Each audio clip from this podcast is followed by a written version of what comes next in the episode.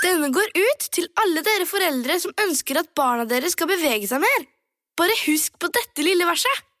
Bort med mobilen, alle mann, så drar vi til Leos lekeland. Lek så mye du vil til 20. juni. Gå ikke glipp av tilbudet Springpass. Vi ses på Leos. En podkast fra Podplay.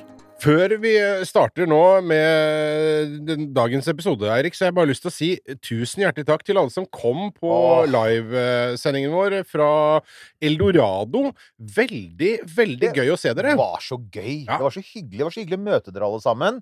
Og det var så gøy å se hvordan liksom folk lina opp sånn. Lina opp for å tafse på romdrakt. Lina opp for å snakke tafse på Eirik. eh, Ja, ja, ja. Jeg fikk min andel, jeg òg. Ja. Og, og, og, og ta selfier med og folk liksom sånn Det var så fint. Ja, det var Og god stemning var det også. veldig god stemning og hyggelig å se. Og det er på, helt sånn på ekte fra, fra mitt svarte, lille hjerte. Ja, Det, ja, det det, varmet å se, se folk. Ja. Virkelig. Eh, og vi blir invitert til å ha podkast på en bitte liten bokhandel i Rakkestad og sånne ting, så det, det, Det kan, vi, også, kan vi se litt nærmere på. Men da kan vi si at før det så skal vi altså Det kan vi ta med en gang, vel? La oss Eh, bare gjøre det. Det er jo Drammen. Drammen 8. november. Ja. Eh, fint at det, det, det hadde jeg glemt, men det stemmer. På Drammen bibliotek klokken 20 Ja. uh, i, i forbindelse med Drammen podkastfestival. Eh, så skal vi eh, møte opp og kjøre en episode derfra. Eh, innhold to be announced. Ja. Eh, gratis. Det er det gratis denne gangen. Ja, det er det. Eh, så da er det bare å møte opp igjen for de av dere som ikke rakk å få med dere sist, eller som hadde problemer med det økonomiske, eller hva søren det måtte være. Alle, alle har sine grunner, og det er helt fint. Og så vil vi bare umiddelbart eh, si på vegne av eh, våre lyttere som befinner seg nord eller sør for Ring 3 eh, Beklager. Eh, men vi kan gjerne komme til eh, ditt lokale sted. Bare sette i gang nå og sørg for at det kommer nok folk, så skal vi Ja, møte opp. i. det er det også. Ja, ikke sant? Og det reise, og at det skal passe Vi- type vi- ting. Tar imot Vi- invitasjoner. Ja, det skal vi jo. Og så um, Ja, men da syns jeg vi kjører i gang, jeg. Three, two, one. When liftoff.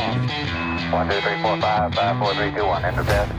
Okay, we checked all four systems, and there you go on modulation, all four, and keying with a go. Sånn. Da til eh, dagens eh, episode. La oss eh, bare ta en ting først, for det skal Rett skal være rett her. Vi korrigerer når vi blir korrigert, Ja. eller kommer på det sjøl.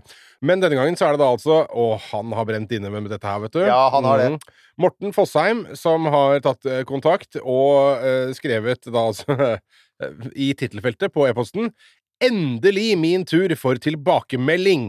Og en diger smiley. Ja. Hei sann, hoppsann!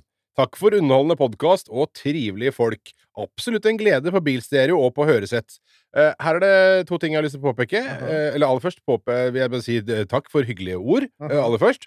Og så er det gøy at du bruker ordet høresett. Ja. For her er det en eller annen som har slått opp i Språkrådet. Veldig, veldig bra. Ja. Eh, Og så Det fine også at han skiller mellom bilstereo og høresett. ja, ja. For det skal vi da som kjent ikke ha i. Ja. Skal prøve å korrigere så muntert og informativt som mulig. Ikke sant? Rett flagg, rett flagg. Her er det en som det, Han har lært seg den derre ja, men-greia. Sitter og hører på episode 199 om DSN, altså Deep Space Network. Der mente dere at en wifi-ruter sender med rundt 20 watt. Eh, Den bruker fort en rundt 20 watt, men 19,9 av wattene går nok til CPU og ruter og maskinvare inni. Mener Wifi er lovbegrenset til rundt 100 milliwatt, altså 0,1 watt. Og eh, Ja. kan jeg bare da få lov først å si eh, en ting? At igjen da, så skal jeg bli flinkere til å si ifra når jeg hører at noe høres rart ut. det var ikke åpenbart feil. Fordi, ja 20 watt er mye, det er mye. Det, var det som slo meg etter, etterpå også. i, i, tilbake i gamle dager, da jeg holdt på med nærradioen, Ja. så var det liksom snakk om sendere. Og da var det jo liksom sånn Ja, så har vi en 20 watts sender på et eller annet tårn oppe i en eller annen plass. På FM 107,5. Eh, Lytt til Horten nærradio. 107,5. du-du-du. Eh, så da tenkte jeg 20 watt på Ja. wifi-ruter. Det hørtes voldsomt ut. Gikk litt kjapt i svingene på, på For at, som han helt riktig påpeker, det er den samla effekten i hele boksen som jeg fikk med meg. em, Og, og jeg også veit jo dette, for jeg har jo holdt på med astrofysikk i sin tid, og radioastronomi, så, jeg, så, så vi burde jo egentlig ha stusset på det begge to. Og en annen ting er selvfølgelig at hadde liksom wifi-sendere som liksom står om, litt omkring på barnerom og sånn, sendt med den effekten, så kan jeg Mhm. love deg at folkets strålevern hadde hatt mye mer vann Ja. på mølla. For det er jo sånn, sånn altså, Det blir jo bokstavelig. KNM Kvikk ville vært eh, bare en av mange, da. Så, så tusen takk for, for rettelsen, som vanlig. Veldig bra. Eh, jeg har da dobbeltsjekket dette her, sånn at Ja. vi får en sånn F-16-situasjon igjen. Ja. Uh, og ganske riktig, det er 100 milliwatt som gjelder for 2,4 gigahertz, og så ifølge informerte kilder har sjekket opp dette her, altså, så skal det være 200 milliwatt for 5 gigahertz, men det er uansett veldig lave effektnivåer, veldig lave Ja, vi skal ikke si stråling, for da friker folk. Så vi bare sier radioeffekt. Ja. Uh, så så det, er, det er helt riktig. Og dette handler jo ikke egentlig så mye om helseeffekter som det handler om jeg antar dere hadde med nærradio, altså hvordan det forstyrrer andre. 20 watt er Ja, Altså, og, Hadde alle hus i Norge hatt 20 watt, liksom, så tror jeg det hadde vært lite. ja. Ja, og, og hvordan, hvor man treffer og, og manglende dekning videre Ja. og så videre. Og for alle som i likhet med meg har eh, drevet og, og kjempa for å få liksom, eh, adekvat wifi-dekning i heimen. Jaha, ja. um, det har jeg nå oppnådd. Uh, veldig glad for det. Skulle gjerne hatt 20 watt. Eh, Da skulle jeg gjerne hatt eh, 20 watt. Uh, Så får heller unga se litt rare ut. Ja, ja, ja, ja. Det får nå så være. Pappa, jeg er så varm i hodet. OK, la oss uh, Gå til dagens tema, som jeg tror er romfart. Er det ikke det? Vi er fremdeles der. er Ja, det? det hender vi eh, som uh, skeier litt ut på forskjellige ting. eh, Enten det er um, nazisme eller teknologi generelt. Skal ikke se bort fra at det kommer en romnazist her òg, men Mm, ja, Mhm. nei. Uh, Chandrayan! eh, 3. Ja, Chandrayaan 3. Vi må snakke litt om det. For at vi, er, vi er litt på nyhetskjøret nå. Det har skjedd, altså Som vanlig så skjer det alltid mye i romfarten, så i dag så tar vi og oppsummerer noen saker. Ja. Og, og eh, den, det er altså denne indiske månesonden som da har klart en myklanding på månen. Og det er imponerende, for det har vært mye mislykte myklandinger på månen. Ja. Israelerne har prøvd å krasje, russerne har prøvd å krasje, ikke sant? Jeg tror japanerne har prøvd å krasje. Bare i de seinere åra. Det er ganske vanskelig å få til. Så det er ingen liten ting, da, når den eh, da ikke bare myklanda på månen, eh, men også landa Altså, de sa selv at de landet nær Sydpolen. Det viser at det er ikke helt sant. Eh, Det var sånn eh, Var det sånn 69 grader sørlig bredde? Altså, og for månen har lengde- og breddegrader som på jorda. Med andre ord, det er liksom Det er som å lande altså, i, i Tromsø, hvis du hadde flippa det nordover. 69 grader nord, liksom. Det er liksom der vi er. Det er ikke Polen, men det er, det er ganske nær. Det er nærme nok. Da. Altså, ja, du må huske på at ja. det er langt Ja. til månen. Da. Så det, det er det. det, er det. Så, så det er helt klart en test på Altså det som fikk folk sa at det er litt, liksom, litt viktig å huske på at det man er, virkelig er ute etter, det er de kraterne som ligger så tett opp til polpunktene, da særlig sydpolpunktet, at bunnen av kraterne er i evig skygge. For at der kan det være is under et tynt lag med støv. Og det er klart, så langt sør kom ikke Chandrayan, men det er en innmari god start, og det er veldig imponerende. Det er det jo. Eh, og, og de hadde jo da ikke bare en lander, men de hadde også en rover. Så landeren het Vikram, og roveren het Pragyan. Og Pragyan den rulla da 100 meter på ti dager, og igjen så er det sånn Ja ja, det er jo ikke mye, men igjen, altså det er, det, er, det er blant annet veldig mye mer enn hva den gamle russ, altså romstormakten Russland klarer. Og amerikanske medier påpeker også at altså, amerikanerne har jo ikke landa noe på månen siden 1972. Nei. Så, de, så helt klart, her ligger altså India foran alle. NASA har et ganske, ganske Vi har snakket om det før. De har et ganske sånt offensivt program med private romsonder. Eh, Det er en som skal av gårde om ikke så lenge. Den tenker jeg vi kommer til å prate om når det skjer. Ja, er det Viper? Eh, Nei, Nei, ikke, ikke Viper ennå. Det er en av de private. Nå husker jeg ikke hva han heter. Eh, de venter faktisk. De prøver å få seg en Falcon 9, for at de har Altså, sonden er klar. Men altså Det er jo ikke så mye raketter på markedet for øyeblikket, fordi alle er jo så forsinka. Ja. Så det er eh, Det har liksom litt kommer litt an på om de klarer å få skvisa inn en Falcon 9 fra flåten mellom alle Starlink-oppskytingene. Ja, og så skal vi ikke ta den diskusjonen nå, men la oss bare si det sånn at økonomisk for SpaceX hadde nok det sikkert vært lurt. Det hadde det nok. Ja. Men uansett, så er vi Så den, er, den landa, den rulla rundt i 100, eh, 100 meter på ti dager. Så kom månenatten. Altså, disse hadde jo solceller. Og du kan faktisk si at solcellene de, de er ikke flate nær bakken. De, er jo, de peker opp fordi at skyggene er så skrå. ikke sant? Så Ja. du begynner jo nærmere Det er lange skygger nær polene. Det ser du på, eh, på bildene. Um, og så har den batterier om bord. Men så har du da problemet med månenatten, som jo ta, faktisk da varer i over 14 dager. Og når det først blir mørkt på månen, så blir det ordentlig mørkt. det kaldt. Og veldig kaldt. Og da har for eksempel batterier og instrumenter, hvis ikke du har gjort, jobbet hardt for å sikre dem mot kuldeskader, da, så, så er det ganske stor sannsynlighet for at ikke det starter igjen. Inderne håpet at det skulle starte igjen. Ja, men Men øh, øh, de hadde håpet å vekke den til live den 22. september. Uh, det har det ikke klart, uh, og det, så det tyder på at den har dødd av Ai, ai, ai, har den frosset i hjel? Ja, altså, Ja. men igjen da, så er det sånn altså, eh, det er, for, for, Temperaturforskjellen er, det er sånn over 100 grader pluss på dagtid og liksom minus 150-200 på nattestid, så det er forståelig. Og så er da spørsmålet var selvfølgelig ok, hva gjorde den? Altså Jo, de demonstrerte for det første at også India nå kan lande på månen og faktisk slå blant annet Russland. Um, det andre uh, det de gjorde, var jo selvfølgelig at de de har jo gjort målinger. altså Både, liksom, både landeren og, og roveren har jo da sett etter ting. Og det viktigste funnet, for det har da gjort noen vitenskapelige funn, det var at um, temperaturforskjellen mellom månens overflate og litt nede, det var, um, det var Det var ganske svær. Altså 60 grader pluss på overflaten. Du er jo nær polene, så det er ikke 100 grader som det er nær ekvator. Er 60 grader pluss når det er på dagen? på dagen, ja. månedagen? Når Ja. sola skinner. Ja. Uh, det er jo over 100 nær ekvator der uh, Apollo landet, så det kunne jo Apollo-astronautene fortelle om. Og så er det minus 10, bare 8 cm nedi bakken. Og det er litt gode nyheter. Selv om det er 60 grader pluss, Ja. så bare 8 cm, så er det minus 10 grader? Ja. Oi, wow! Og, ikke sant? Og det er jo, eh, det er jo em, gode nyheter med tanke på at det skal jo da, hvis, hvis det er is, og, og altså iskorn, eller kanskje større klumper med is under støvet, så tyder mye på at månestøv er veldig godt varmeisolerende. Ja. Og det, er da, det gjør at det er større sannsynlighet for at vi finner is når vi da faktisk lander på selve Sydpolen.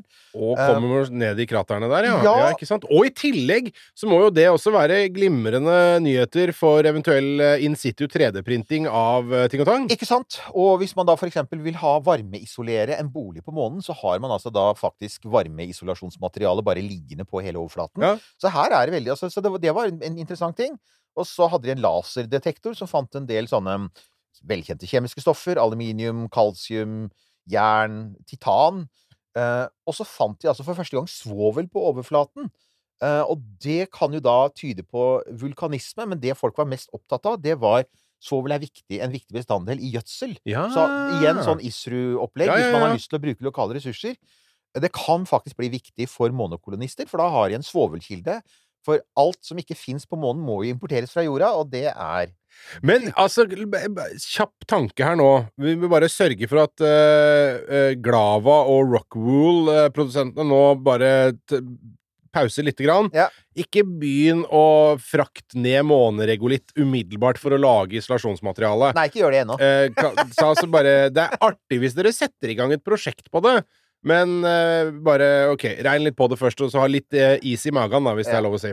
Det er jo interessant, det der, altså, for det er eh, Dette er en sånn Altså, is isolasjonsmateriale er en sånn basic ting som veldig ofte glemmes, ikke sant? Igjen i alle disse her svære visjonene av kule månebaser og astronauter og sånn, så glemmer man igjen the basics. Altså sånn, ja, du må holde kulda ute, og du må sørge for ordentlig vann og avløp. Altså alle disse kjedelige tingene. Ja. Som veldig usexy, men utrolig viktig. Så, så det var en ting de oppdaget. Og så fanget de altså opp et lite måneskjelv. Ah, ja, ja, og det- det, Ja, og det var, mm. de, var ikke, de var ikke helt sikre på om det var en meteor som falt ned i nærheten, eller om det var noe som skjedde inni månen. Og det er altså første gang siden Apollo satt For Apollo um, landet, altså Apollo plass, astronautene plasserte ut seismometere på overflaten, og de fungerte i flere år etterpå. Og de fanget jo opp måneskjelv. Blant annet så var de jo satt opp for å fange opp de måneskjelvene som ble utløst når NASA styrtet uh, um, månelandingsfartøyet ned på månen etter bruk. Ikke sant? Ja. Når det koblet seg fra Apollo. Uh, de fleste månelandingsfartøyene ble styrtet ned på månen. Og da, da satt jo da seismo, seismografene der og, og målte ikke bare selve treffet, men også ettervirkningene, sånn at de kunne da se hvordan liksom, disse bølgene, seismiske bølgene gikk gjennom månen, og kunne da bruke det delvis til å kartlegge månens indre. Så det var litt kult. Men, Ja, for det, altså, det, er det, noe, det er jo ikke noe annet som eh, Som man vet som kunne utløse Det er ikke altså, sant? Det er akkurat det. Altså, det, er, sånn det er noen aktivitet. ting. Det, altså, det ene er at, at, at månen har litt geologisk aktivitet. Det andre er meteorittnedslag, selvfølgelig. Ja, ja. Der så er det en ting til, og det er hvis det eksempel er store temperaturforskjeller, og materialet trekker seg sammen og utvider seg igjen, så kan det også føre til rystelser. Og nå har det nettopp dukket opp, vi kan jo ta det her, for det handler egentlig om det samme. Det er nettopp kommet en ny studie som viser at en del av de måneskjelvene som Apollo registrerte, de, de, aller minste og svakeste, faktisk kan ha stammet fra månelandingsfartøyet selv. Ja. Og det er ja, på grunn av bevegelser i materialene. Ikke sant? Og det er Ja. at det er jo metall som trekker seg sammen og utvider seg. Ja. Og det står på månestøvet, og når disse fire beina trekker seg sammen og utvider Altså hele, når hele greia liksom flytter litt på seg Ja. Det er bare lite grann, det er bare noen millimeter. Så vil da instrumentene som står like ved, registrere det som et skjelv. Så nå har man begynt å luke ut falske måneskjelv. Som rett og slett skyldes sånn varmeekspansjon og sammenheng. Det er morsomt, da! Ja, ja, ja Altså- også, og morsomt og litt sånn elementært at man ikke Ja. tenkte på det Men det det, viser, vis. men det det viser, er jo også igjen dette her med verdien av data i romforskning. At gamle data kan ha stor betydning. Mm. Altså, Vi vet jo at de fremdeles driver og ser på månesteiner, for det har vært NASAs strategi. Så det er fremdeles masse månesteiner fra, fra Apollo-prosjektet som ennå ikke er undersøkt. Og, og som kommer til å fortsette å levere antagelig i hundrevis av år framover. Men altså at, at også disse eh, elektroniske dataene, radiosignalene som blir sendt tilbake til jorda, at det fremdeles er mulig å finne ting i dem. Det var litt gøy. Så det kan jo hende, det kan jo faktisk hende at dette her egentlig bare da var at det var den lille roveren som sa Det ble Ja, kaldt, ja, og så ja. fikk du et måneskjelv. Ja, ja for altså, månen er relativt sånn geologisk død. Det, Ja, den er jo det. Og, og det er ikke noe tektonisk bevegelse på månen. Det er nemlig det. Det har, vært, altså, det, og det har jo ikke vært registrert noen vulkanisme der eh, så i, i noen som helst nyere tid. Eh, alt du ser av vulkanske områder, og det er jo de områdene som Apollo-astronautene landet i, er jo urgamle. Det er milliarder av år vi snakker om. Men så er det jo det, da, at månen går rundt jorda, og, den går, eh, og månen og jorda går sammen går rundt sola. Så det er jo litt sånn, kan være litt påvirkning fra tyngdekraften som Ja. kan sette i gang litt greier inni. Men den prosessen som du har på jorda, hvor du har en sånn svær glødende kjerne som pumper ut varme og, og får kontinentalplater til å drive omkring, det fins jo ikke på månen. Nei, ikke sant? Så dette er en helt annen type, det er en helt annen type geologi vi snakker om. 1202. Da, før vi går til eh, neste punkt, så, så føler jeg at det er et punkt altså, som vi snakker såpass mye om at eh, jeg har nesten lyst til å tilføye det inn i eh, Werner von Braun, Elon Musk og James Webb. Ja. Sånn at det, fordi det er så, såpass mye Ja. blir- snakkes jo om web. Og med god grunn! Med god grunn. For Absolutt. det er jo sånn rent sånn tabloid så tenker jeg at dette var jo oppsiktsvekkende og gøy. Eh, Ja. det, altså, Webs siste oppdagelse av karbondioksid på Europa. Ja. Det var jo altså en av de tingene som vi alle, som alle har ventet på etter at uh, Web kom opp, det var jo at altså, vi visste at det ville, ville bli viktig for kosmologi, uh, som vår gjest Håkon Dale har snakket om eh, flere ganger, og vi skal ha han tilbake for å oppdatere oss på det, fordi ja, å se tilbake til universets begynnelse, som han er ekspert på, det er kjempeviktig. Men en av de andre tingene som han var veldig opptatt av at Webb kunne gjøre, var jo å skaffe informasjon om kjemiske stoffer på fjerne planeter og kloder, og, og eventuelt finne stoffer som kunne kobles til liv. Så, uh, en, så nå, det, og dette her da er jo ikke en veldig fjern klode, dette er jo bare ved Jupiter. Ja, det er en annen bare ved Jupiter. Det er bare, er bare to-tre år uh, å reise istedenfor 20 000-30 000 år.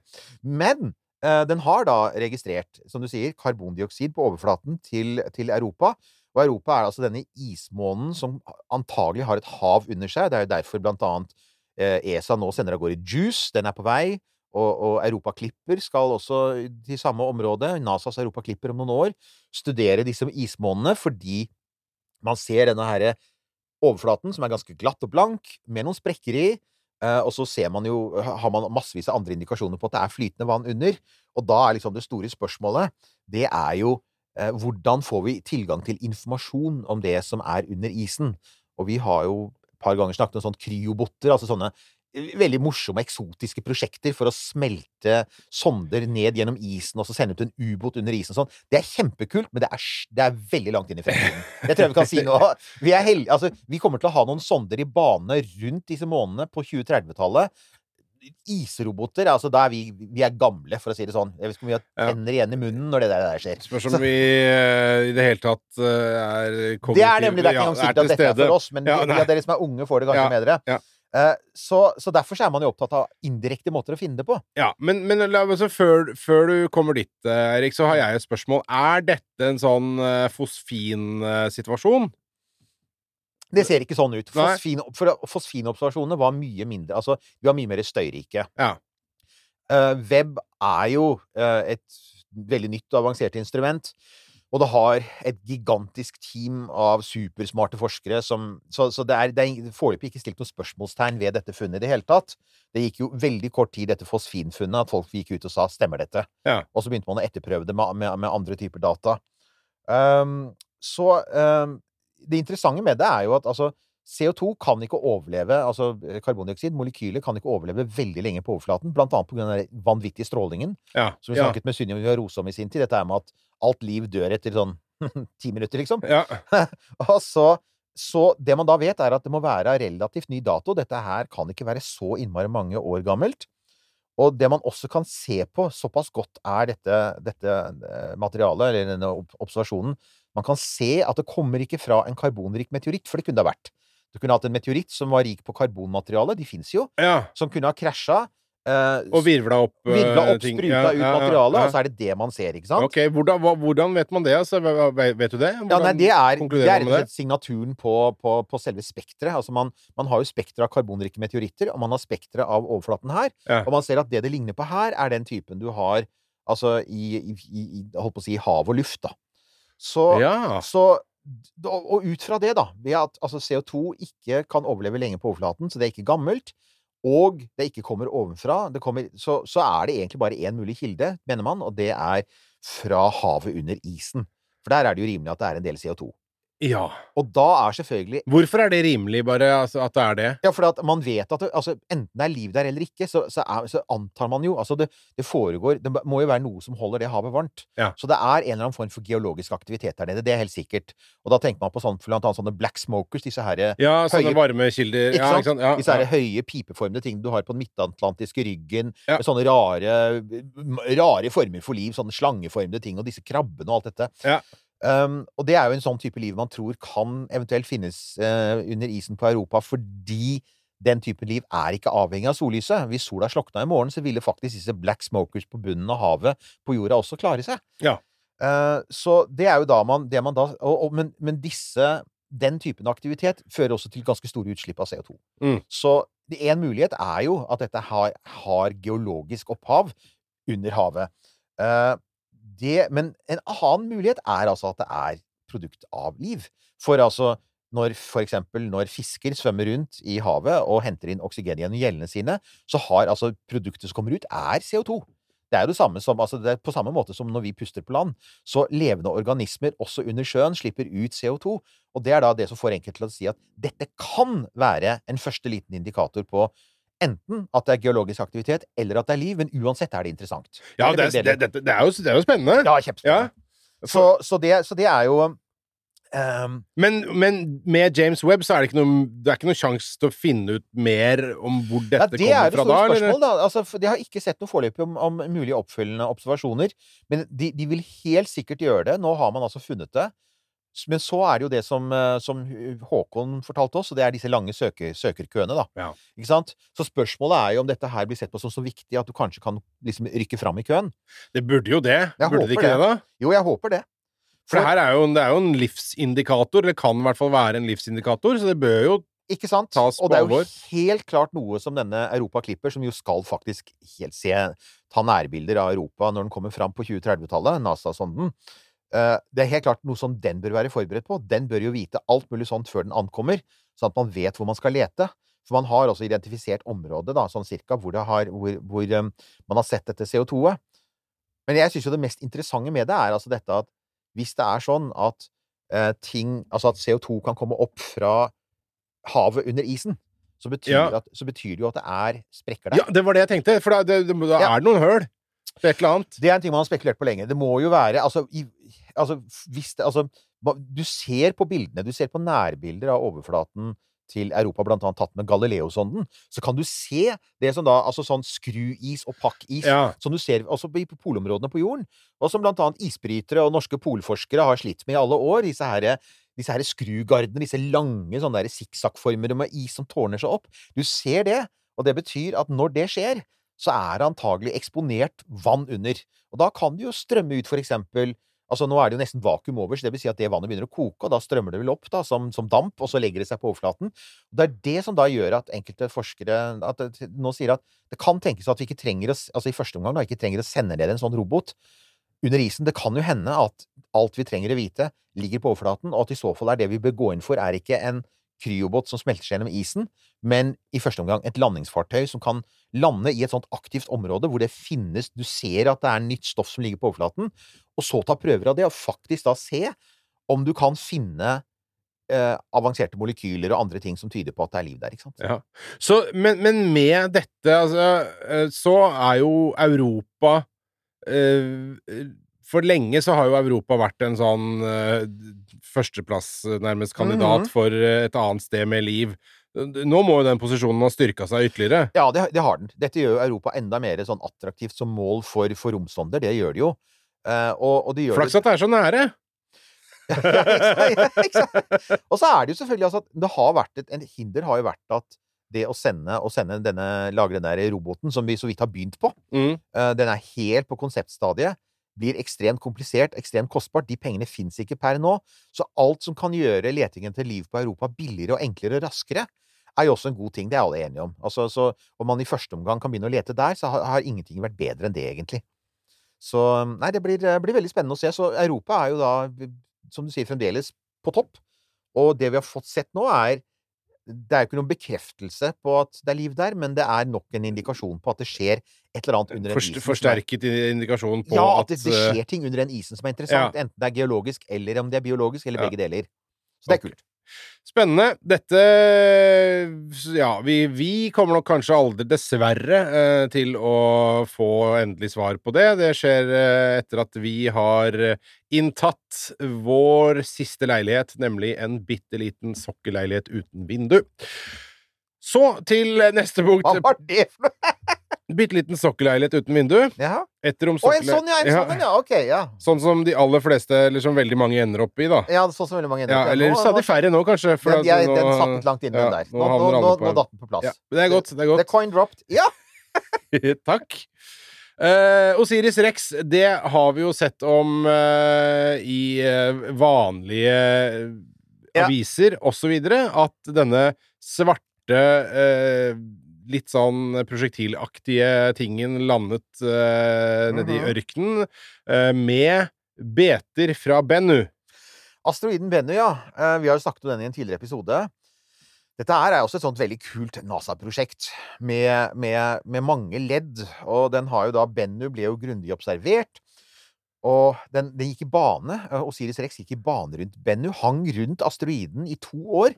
Og sendte så ned en sonde for å ta en prøve av den i oktober 2020. Og da kom vi til et deilig akronym. TAGSAM. Jeg lurer på om vi nevnte det. Tag. Tagsam. Og det var Touch and Go Sample Acquisition Mechanism. Og det var jo akkurat ja, Vi snakket jo om det den gangen, og det var jo dritkult. Hvor du liksom sånn dytter sonden ned, og så den har jo, Benno har veldig svak tyngdekraft, så den spretter jo fort tilbake igjen. Men i de få, liksom de få tidels sekundene der tagsam-kloa liksom er i kontakt med overflaten, så drar den med seg en del materiale og dumper det i en beholder inni i Osiris Rex. Og så skrur den på et lokk, og så sender den det igjen med Så, så flyr du tilbake til jorda, og lander da kapselen som inneholder det du klarte å dra med deg da i de, de det Jeg ser for meg sånn, der, eh, sånn brannslukningsfly, vet du, når de skal fylle vann. Ja, ja, ja. Så flyr de ned, så skuper de opp, og så er de av gårde I praksis er det det. Det var jo bare sånn rett ovenfra, rett ned. Bom! Ta, gripe tak i dette løse materialet, for det var en annen ting. Man, man kunne se at denne asteroiden var ikke laget av veldig fast materiale. Mange asteroider er i praksis det, Og dette er en ting man har lært via romfarten. Uh, altså via nærbilder av romsonder. Det er jo mange asteroider er jo i praksis flygende altså grushauger, ikke sant? Ja. Altså de er jo nærmest Ja, altså, okay. De holder Ja. sammen av gravitasjon. ja. Så de okay. har en slags enhet, men de er ikke nødvendigvis sånne klumper som vi tror de er. Nei. Og det har jo i så fall også betydning hvis en av dem skulle være på kollisjonskurs med jorda, så er selvfølgelig det interessant for oss, fordi det er veldig stor forskjell på en som er en solid metallklump, og en som er mer eller mindre en sånn derre Ja, en- ikke sant? Nemlig en, en, sånn, en røys, ikke sant? En sånn flygende røys, ikke sant? Så, så Men den hadde da glede Så det store spørsmålet Uren, luren, himmel, turen, steinrøys, steinrøys Ja, Nemlig knus i hjel. Ja. Så, så den havna da i en kapsel, og den landa 24. september nå nylig. Og det ser da For det første, altså, det så vel alle. Landingen så ut til å gå bra.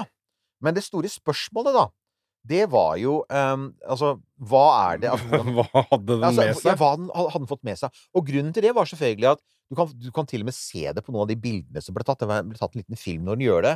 Det er lav tyngdekraft, så ting svever lite grann Ja. før det lander. Og, og når du skulle skru på det lokket, så ble ikke lokket helt i første omgang helt tett festa. Å ja, så så har det svevd ut igjen, eller var og det man var oppi bekymra for, var jo Hadde de klart å få med seg De håpet på å få med seg 250 gram. Ja. Eh, og hadde de fått med seg så mye, eller hadde det lekket ut? Så det var en av de tingene man var mest spent på når man da åpnet kapselen. Det var å, å se på Og var det strandreker? Var det Ja, strandrek? ikke Ja, ikke sant? Ja, ja, ja. Og det, man, og det man da så på, var Selve lokket var skrudd fast, så det som var et godt tegn Rundt lokket så var det mye støv, så det hadde helt klart lekket ut noe. Og det man har gjort nå det siden, siden den landet, da, så har man altså Man kommer til å gå veldig langsomt fram og åpne den, og det er selvfølgelig for ikke å kontaminere den. Så man har ennå ikke sett hva som er inni. Å nei! Nei, nei, man har enda ikke men, men man har sterke indikasjoner på, da, ved å se på utsiden, og hvor mye materiale det er på utsiden, at den har fått med seg mye materiale, og at det er rikelig med materiale inni. Det er det de tror nå. Så, så det, så det man har nøyd seg med for øyeblikket, det er å teste støvet på utsiden av beholderen, oh, ja, ok. og fått bekreftet at jo Ja. da, men dette her er jo Space det- ja. eh, dust. Ikke sant? Dette her er jo en, en, en, en Som man trodde. Gammelt materiale. For det, jo, det var jo grunnen til at man dro til Bennu. Ikke bare for å lære om asteroider, men også lære om solsystemets fødsel. Fordi asteroider kan fortelle oss ganske mye om det. Så dette er et sånt eksempel på at vi antagelig ikke får de endelige resultatene før om Altså, for, forskere vil forske på det i årevis, ikke sant? Ja. Så vil du fordele prøvene ut. Det er ulike institutter som får det. 250 gram er ikke veldig mye, så de vil nok være ganske gjerrige på det. Men selv bare med et par små støvkorn så kan man jo lære masse om eh, solsystemet og, og kjemien på Bennus. så det, så det var gøy. Det, ja, ja, det er spennende. Altså, jeg gleder meg til å øh, få se øh, og høre mer om hva som faktisk er inni denne lille svarte boksen. Men- når de på et eller annet tidspunkt åpner den. sant? Men typisk da for NASA, dette har vi nå begynt å venne oss til. Og det er jo at selvfølgelig stopper det ikke der. Altså, disse ferdene varer jo, varer jo. Det er jo det samme som eh, ikke sant, dronen på Mars. Var Ja, sånn, ja, ja, ja, skulle fly fem ganger, nå har den fløyet over 50, eller hva det er. Nei, altså, Bennu altså, um, Osiris Rex Osiris har mer på programmet. Den skal videre, den. Ja. For det, det som landet på jorda, var bare selve kapselen. Selve sonden, den fløy videre. Og den har jo da brennstoff og solcellepaneler og alt den trenger. Så den skal da, i 2029, så skal den møte 2029, ja! 2029, ja. Ah, Så skal den møte en asteroide som heter Apophis. Ja. Og Apophis, den tror jeg vi har nevnt en gang før, for det Ja, var en av de aller det var en av de aller første gangene da vi hadde begynt å observere sånne jordnære asteroider, near Earth objects. Og for første gang fikk en beregning av at en av dem kanskje kunne treffe jorda. Det var Apophis. Ja. Og det var i 2004. Og da hadde astronomer regna ut, basert på det man visste om banen da, at det var 2,7% sjanse for treff i nettopp 2029. Akkurat. Så det var Ja. altså, én altså 1 av 30, da, for å si det sånn, ikke sant? Eller 1 av 35 eh, sannsynlighet for at den kunne treffe. Ja. Så den ble jo da Den gikk jo, røyk jo inn på denne såkalte Torino-skalaen, som er en sånn skala for hvor farlige ting er. Ok, Så man, man bruker da sånn generelt på ting, eller? Ja, Altså, en kniv er 100 på Torino-skalaen, Altså- Nei da! Det er sånn, det Torino-skalaen indikerer Jeg husker jeg tror det er fra 1 til 7, og den indikerer da hvor stor fare et objekt i bane rundt sola har for å treffe jorda. Ok, Og dette var noe som ble funnet på da i Det er, jo- Torino, det er, det er fra denne, nei, dette er noen år gammelt. Ja. Det, var, det var omtrent på den tiden man begynte å si Vi trenger ikke bare Altså, vi må begynne å klassifisere dem. Dette skyldtes jo blant annet um, Det skyldtes jo blant annet Deep Impact, ikke sant, og Armageddon. Eh, Det, det betød ganske mye. NASA fikk eh, oppmerksomhet rundt faren for asteroidekollisjoner. De kom i 1999. Og i årene som fulgte, så ble det mye mer penger og mye mer oppmerksomhet rundt det. Og så begynte man å, å, å se på liksom, hvordan kan vi finne de jordnære asteroidene, og hvordan kan vi klassifisere faren for at de treffer jorda. Ja. Så Torino-skalaen er da en, en skala for hvor farlig den er. Den havnet på Torino-skalaen, men ble ganske raskt tatt av igjen, fordi når man fikk sett enda nøyere på banen, så var den heldigvis slik at ja, det, det var greit. det var greit. Ja. Det var greit. Og det, så den, den kommer ikke til å treffe oss i 2029, men den kommer jo til å fly ganske nær oss. Og det er jo kjempepraktisk, for da er det jo greit også å ta imot signaler fra Osiris Rex. Ja. Så, um, eh, så det, Vi er forresten ikke Vi er ikke helt ferdig med Apofis, da, ifølge de som forsker på den. Um, det ser greit ut de neste 100 åra, ja, okay. men eh, den har en bane som gjør at de sier at dette er en sånn du må følge med på, altså. Dette her er litt sånn, sånn Dette er litt som en sånn der vanekriminell med fotlenke. Du har lyst til å vite, du har lyst til å vite hvor den er hen. ja, ja, ja. Sånn, Å, ja, ok. det, ja? For at det, det her Den er ikke på skalaen nå, men den kan komme inn igjen. den kan komme inn igjen. Den, er, den er helt klart en, sånn, en, en potensiell trussel i fremtiden. og bør følges opp videre, og det kommer man jo også til å gjøre. Så det, og det er jo også fordelen med at vi sender eh, Osiris Rex til Apophis. Det er selvfølgelig, igjen får vi vite, er det en steinklump? Er det en, en steinrøys eller en grushaug? Er det en isklump, eller er den Altså, vi vet at den ikke er metall. Metall, okay. metall er worst case. En sånn ren jernklump, det vil de ikke ha, for at den kommer jo til å Ja. Den borer seg dypt ned og lager et stygt krater. 1202. Jeg var, nå er jeg inne på nettsidene til eh, NASA her. Altså um, Ja. JPL eh, her har NEOS, Center for Near Earth Object Studies. Stemmer. Eh, og så prøver jeg å se på denne skalaen eh, for å finne ut hvordan det ser ut, ser ut på den skalaen. Mm. Um, skal vi se her Ja, Bennu, ja. Der har vi Bennu. Uh, impact probab... Ja, det her er jo noen tall og noen greier som jeg ikke skjønner. Men altså, Bennu ligger jo øverst, men, men om year range er 2178 OK. Eh, så her er det jo ikke så veldig Skal vi se hva som er, det er De opererer jo med ganske store det er en her som er ja, Dette her ble meningsløst å holde på med nå. Men vi kan Eh, godt komme tilbake til det, for ja. Torino-skalaen er interessant. Ja, ingen av de som, var, som jeg fant på den lista her, er på skalaen. Da, så Nei. det er greit. Så, så, for, øyeblikket, så for øyeblikket så er det ingen sånne sånn clear and present danger. Det er ikke noe som, det er, ikke noe som er på, kollisjon, på kollisjonskurs, men man har noen sånne kandidater over asteroider som er sånn Vi bør følge med på dem. Ja. Fordi, også fordi at asteroider av og til Altså, asteroidebaner kan jo forandre seg litt. Påvirkes av tyngdekraft. Og hvis den består av mye is, for eksempel, så kan isen også forandre banen. Så man bør følge med. Så, Men, men bare, bare- sånn Mm. kjapt innpå da For at hvis det da er sånn at en asteroide som er som Bennu, da, som bare er en steinrøys, vil jo ikke den på en måte Hvis den da skulle treffe, så vil ikke den da bare bli masse stjerneskudd som blir fint å se på? det er akkurat det. Det er det som Så er da er ikke det noe farlig. Så det må altså- være et massivt objekt for at det skal ha noe å si. Altså, du vil fremdeles kunne få en stor eksplosjon, men fordelen Altså, Uh, og dette var um, Dette er et eksempel på det, er jo denne Tunguska-meteoritten, Ja. fra over 100 år siden i Sibir, som man, eh, man, man fant jo aldri egentlig noen rester av meteoritten. Den gjorde jo litt skade i skauen der, ja, men litt, ikke sant? Og det, man så at det var en lufteksplosjon. ja. Og det var, så man har jo sammenlignet det med en hydrogenbombe som detoneres høyt oppe for å gi mest mulig altså trykkbølge skadevirkning. Eh, og det skyldes jo at man tror at det var laget av relativt porøst materiale. Uh, så du har helt rett. Hvis det er porøst materiale, eller hvis det bare er altså, sånn sammenraska materiale, så kan atmosfæren fange opp mye av energien. Du vil fremdeles få en voldsom airblast, ja. men en av de Men det er ikke tingene noe globe killer. ikke nødvendigvis. Ikke sant? Det er akkurat det. Og en av de tingene du da kan slippe, er dette dype krateret som virvler opp massevis av materiale. Ja. f- Fører til jordskjelv og lignende. Men altså, en kraftig airblast på, på størrelse med liksom sånn 100 tu- tu- eller 100 000 eh, hydrogenbomber kan fremdeles lage en tsunami og lege litt skog flat. Ja. Men, men effekten blir mindre, og derfor så er det viktig å sende denne sonden til Apophis.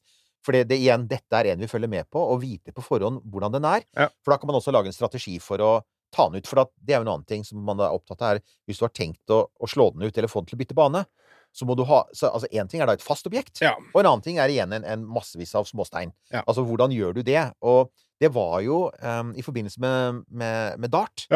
Den var jo akkurat det med lille sånn Dimorphos. Eh, at det man lurte på, var jo om man kunne forandre banen til dette objektet, som antagelig også var ganske løst i fisken. Og det ser man jo at de har, det har for, Så langt så har det vært veldig vellykket. Så de foreløpige resultatene vi har fra DART, er at selv en ganske sånn løst sammensatt asteroide burde vi kunne ha gode muligheter til å bremse opp, fordi det helt tydelig forplanter seg gjennom materialet likevel. Så vi får se. Men det, altså, vi, det eneste Vi måten får se.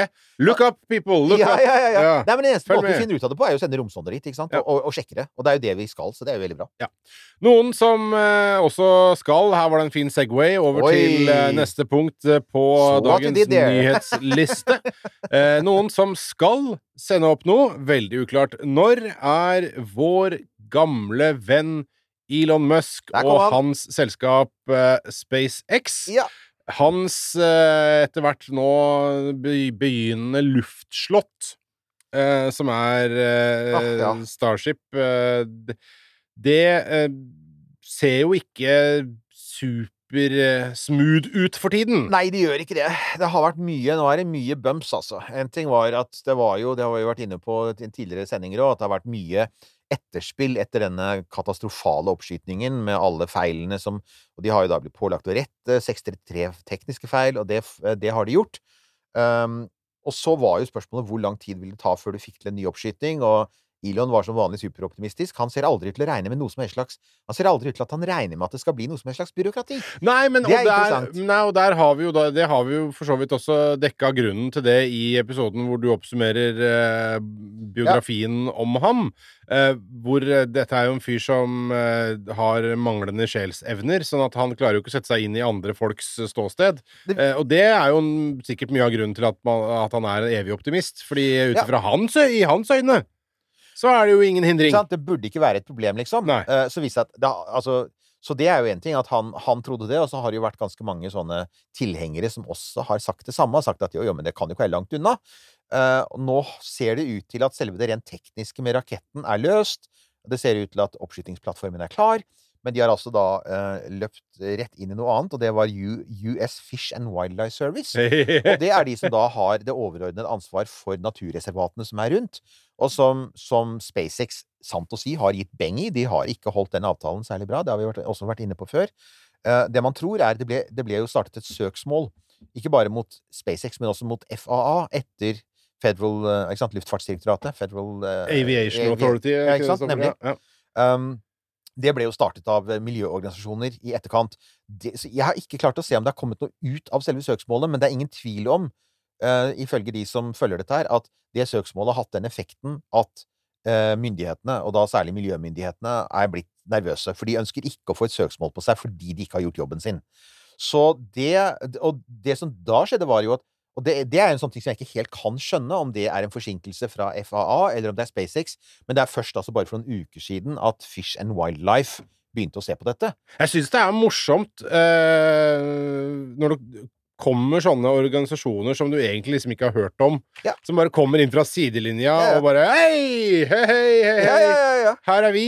Eh, og, og spesielt når det skjer i USA, da. For at disse organisasjonene har jo liksom Det høres jo litt kult ut. Fish and Wildlife Authority, Mm. ikke sant? Eh, men så, for at vi er jo veldig vant til det i Norge. At, det- at eh, miljøhensyn gjør at en, en motorvei Ja, ja. blir tre milliarder dyrere for den må gå utenom en salamanderdam og sånne ting.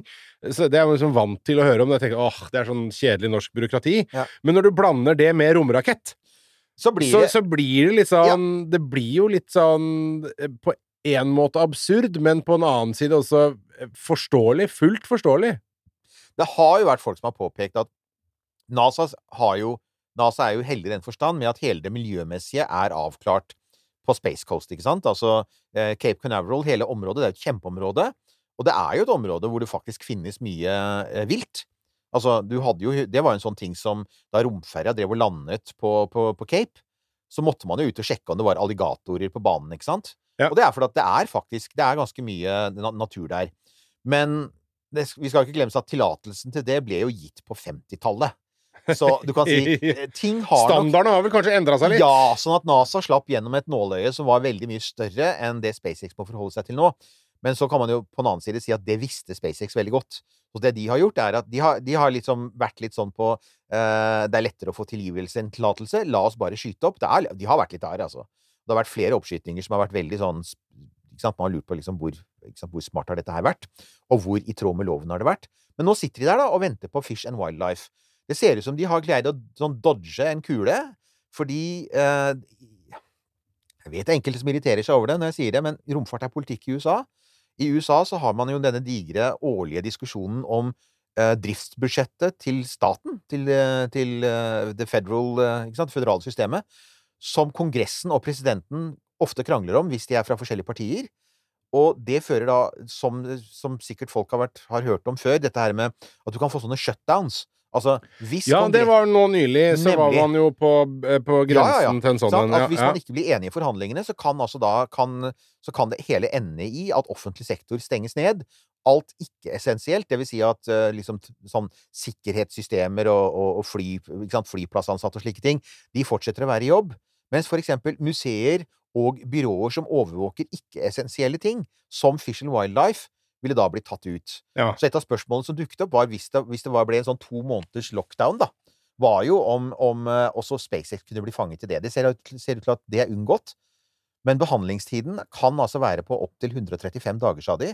Og det er jo ikke sikkert at resultatet er positivt for SpaceX. Det kan godt hende at når de da kommer For det alle nå forventer, da, og selvsagt liksom alle de mange, mange, mange SpaceX-fansene på, på X De forventer jo bare at jo, ja, vi sitter og venter på at det skal komme en godkjennelse. Ja, Men det er jo ikke sikkert. Det kan jo hende at de sier jo, dere får en godkjennelse hvis dere gjør A, B, C, D, ikke sant? Nettopp. Og det er da grunnen til at folk nå sier at, at det kan hende at hvis de plutselig finner ut at her var alt A-OK, så kan det kanskje komme en oppskyting i oktober.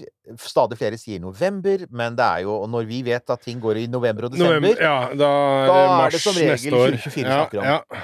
Det er jo i så fall selvfølgelig krise, fordi dette er jo en rakett Jo, men ok, men det er jo én ting. Det er, det er krise. At, at man får en, en, en, et ja, men innafor et seint tidsrom. Men noe Ja. annet er jo Du får ja, men du må gjøre disse tinga.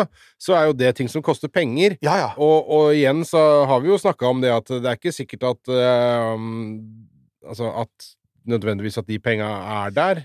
Ingen har råd til å ha et så et gigantisk produksjonsanlegg, for det er det det er blitt nå. Stort produksjonsanlegg for masseprodusentproduksjon av de største rakettene i historien, som ikke skytes opp. Nei. Det sier seg selv. Det, det gir jo det, altså, Ja, han har dype lommer. Jo, jo, men han har jo ikke uendelig dype lommer, og, og han må jo selge aksjer for å holde det gående. Så det er jo, det er jo, det, det er jo kanskje den viktigste klokka, klokka som tikker nå. Det er Rekker han å få gjennomført alle disse flight-testene sine før penga løper ut? Er, Ja. Det er litt der vi er Ja, nå. ja. Og det handler jo da om eh, igjen om at, at det skulle egentlig vært gjennomført fem flight-tester i år. Det var jo planen.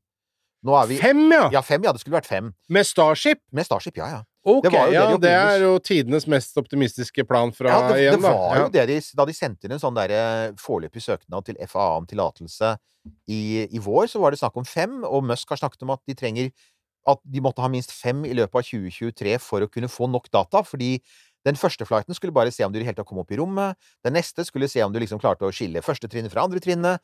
Og først, kanskje flight tre eller fire, skulle man begynne å se på varmeskjoldet ordentlig. Og, og det å lande, det ligger langt ute i 2024. Og, og etterfylle i rommet er kanskje 2025, ikke sant. Så, så alt dette er jo det, det er jo en slags plan her.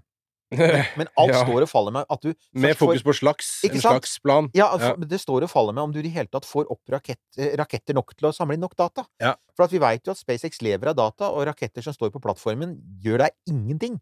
Så det er jo, det er jo dilemmaet deres. Så det er det ene som er bekymringsfullt. Og det andre er jo at jeg var innom, eh, jeg var innom feeden, eh, X-feeden til Mr. Musk, ja. og han er så lite interessert i romfart nå at det er helt skummelt. Altså, det Nå er driver han bare hisser på seg Ukraina og sånn. ja. Ukraina, og så er det innvandring, og så hadde han cowboyhatten sin på feil her om dagen, og da ble Og halve X kranglet med den andre halvparten av X, for, og, og de hadde kontaktet Stetson, som hadde det, det Altså, Elon, kan du slutte Altså oh, det er må- fucking så må han- shitshow! Ja, det er sånn shit show, er sånn Skal du krangle med Skal du krangle med folk om hvorvidt hatten din sitter riktig vei mens du skal til Mars? Nei, jeg vet ikke.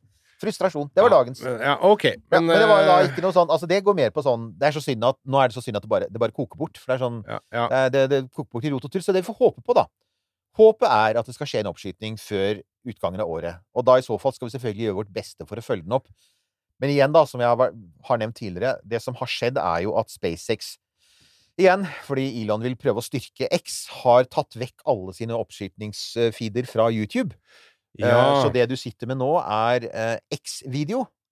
Og ja, Ja. eh, det er helt riktig, det er X-video, og ikke google det på jobben. i hvert fall. det er ikke på jobben! Eh, Men det er X-video vi sitter med, og X-video har lav kvalitet. Ja. Det ser man. Det er mange sånne rare ting. Det er sånne ting som for eksempel at hvis du ikke Altså, det er, det er lav billedkvalitet. eh, Det er mye hopp, hakk og skurr hvis det er store datastrømmer.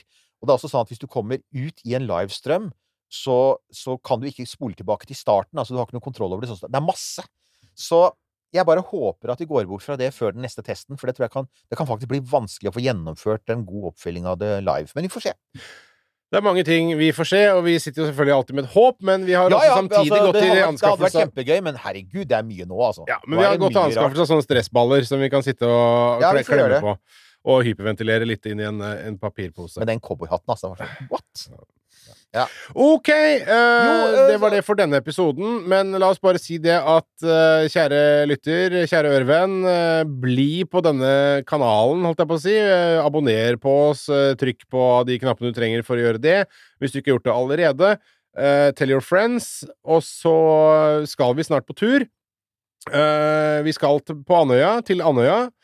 Det gleder vi oss veldig til, og på en måte, la oss bare si det nå. Vi kommer til å gjenta det til det kjedsommelige, nesten. Mhm. Er det at eh, grunnen til at vi får eh, reist til Andøya, er rett og slett eh, alle våre kjære ørevenner. Det er det. Som har kjøpt T-skjorter, kopper, eh, tote bags eh, og, og, og, rett, og også de som Herregud, ikke minst de som bare helt sånn eh, frivillig Uh, gir oss uh, lisens, som Altså, betaler oss penger. Det setter ja, vi veldig pris på. Altså, vi skal uh, booke noe hotellrom på Andøya. Noen flybilletter og noe greier. Flybilletter og noe greier. Og vi skal da sitte i baren og ta oss en drink og, eller noe annet. Og skåle for alle dere som gjorde akkurat den drinken og det hotellrommet mulig. Ja. Det setter vi veldig pris på, så la oss runde av denne episoden med tusen takk. Du har hørt en podkast fra Podplay. En enklere måte å høre podkast på. Last ned appen Podplay, eller se podplay.no.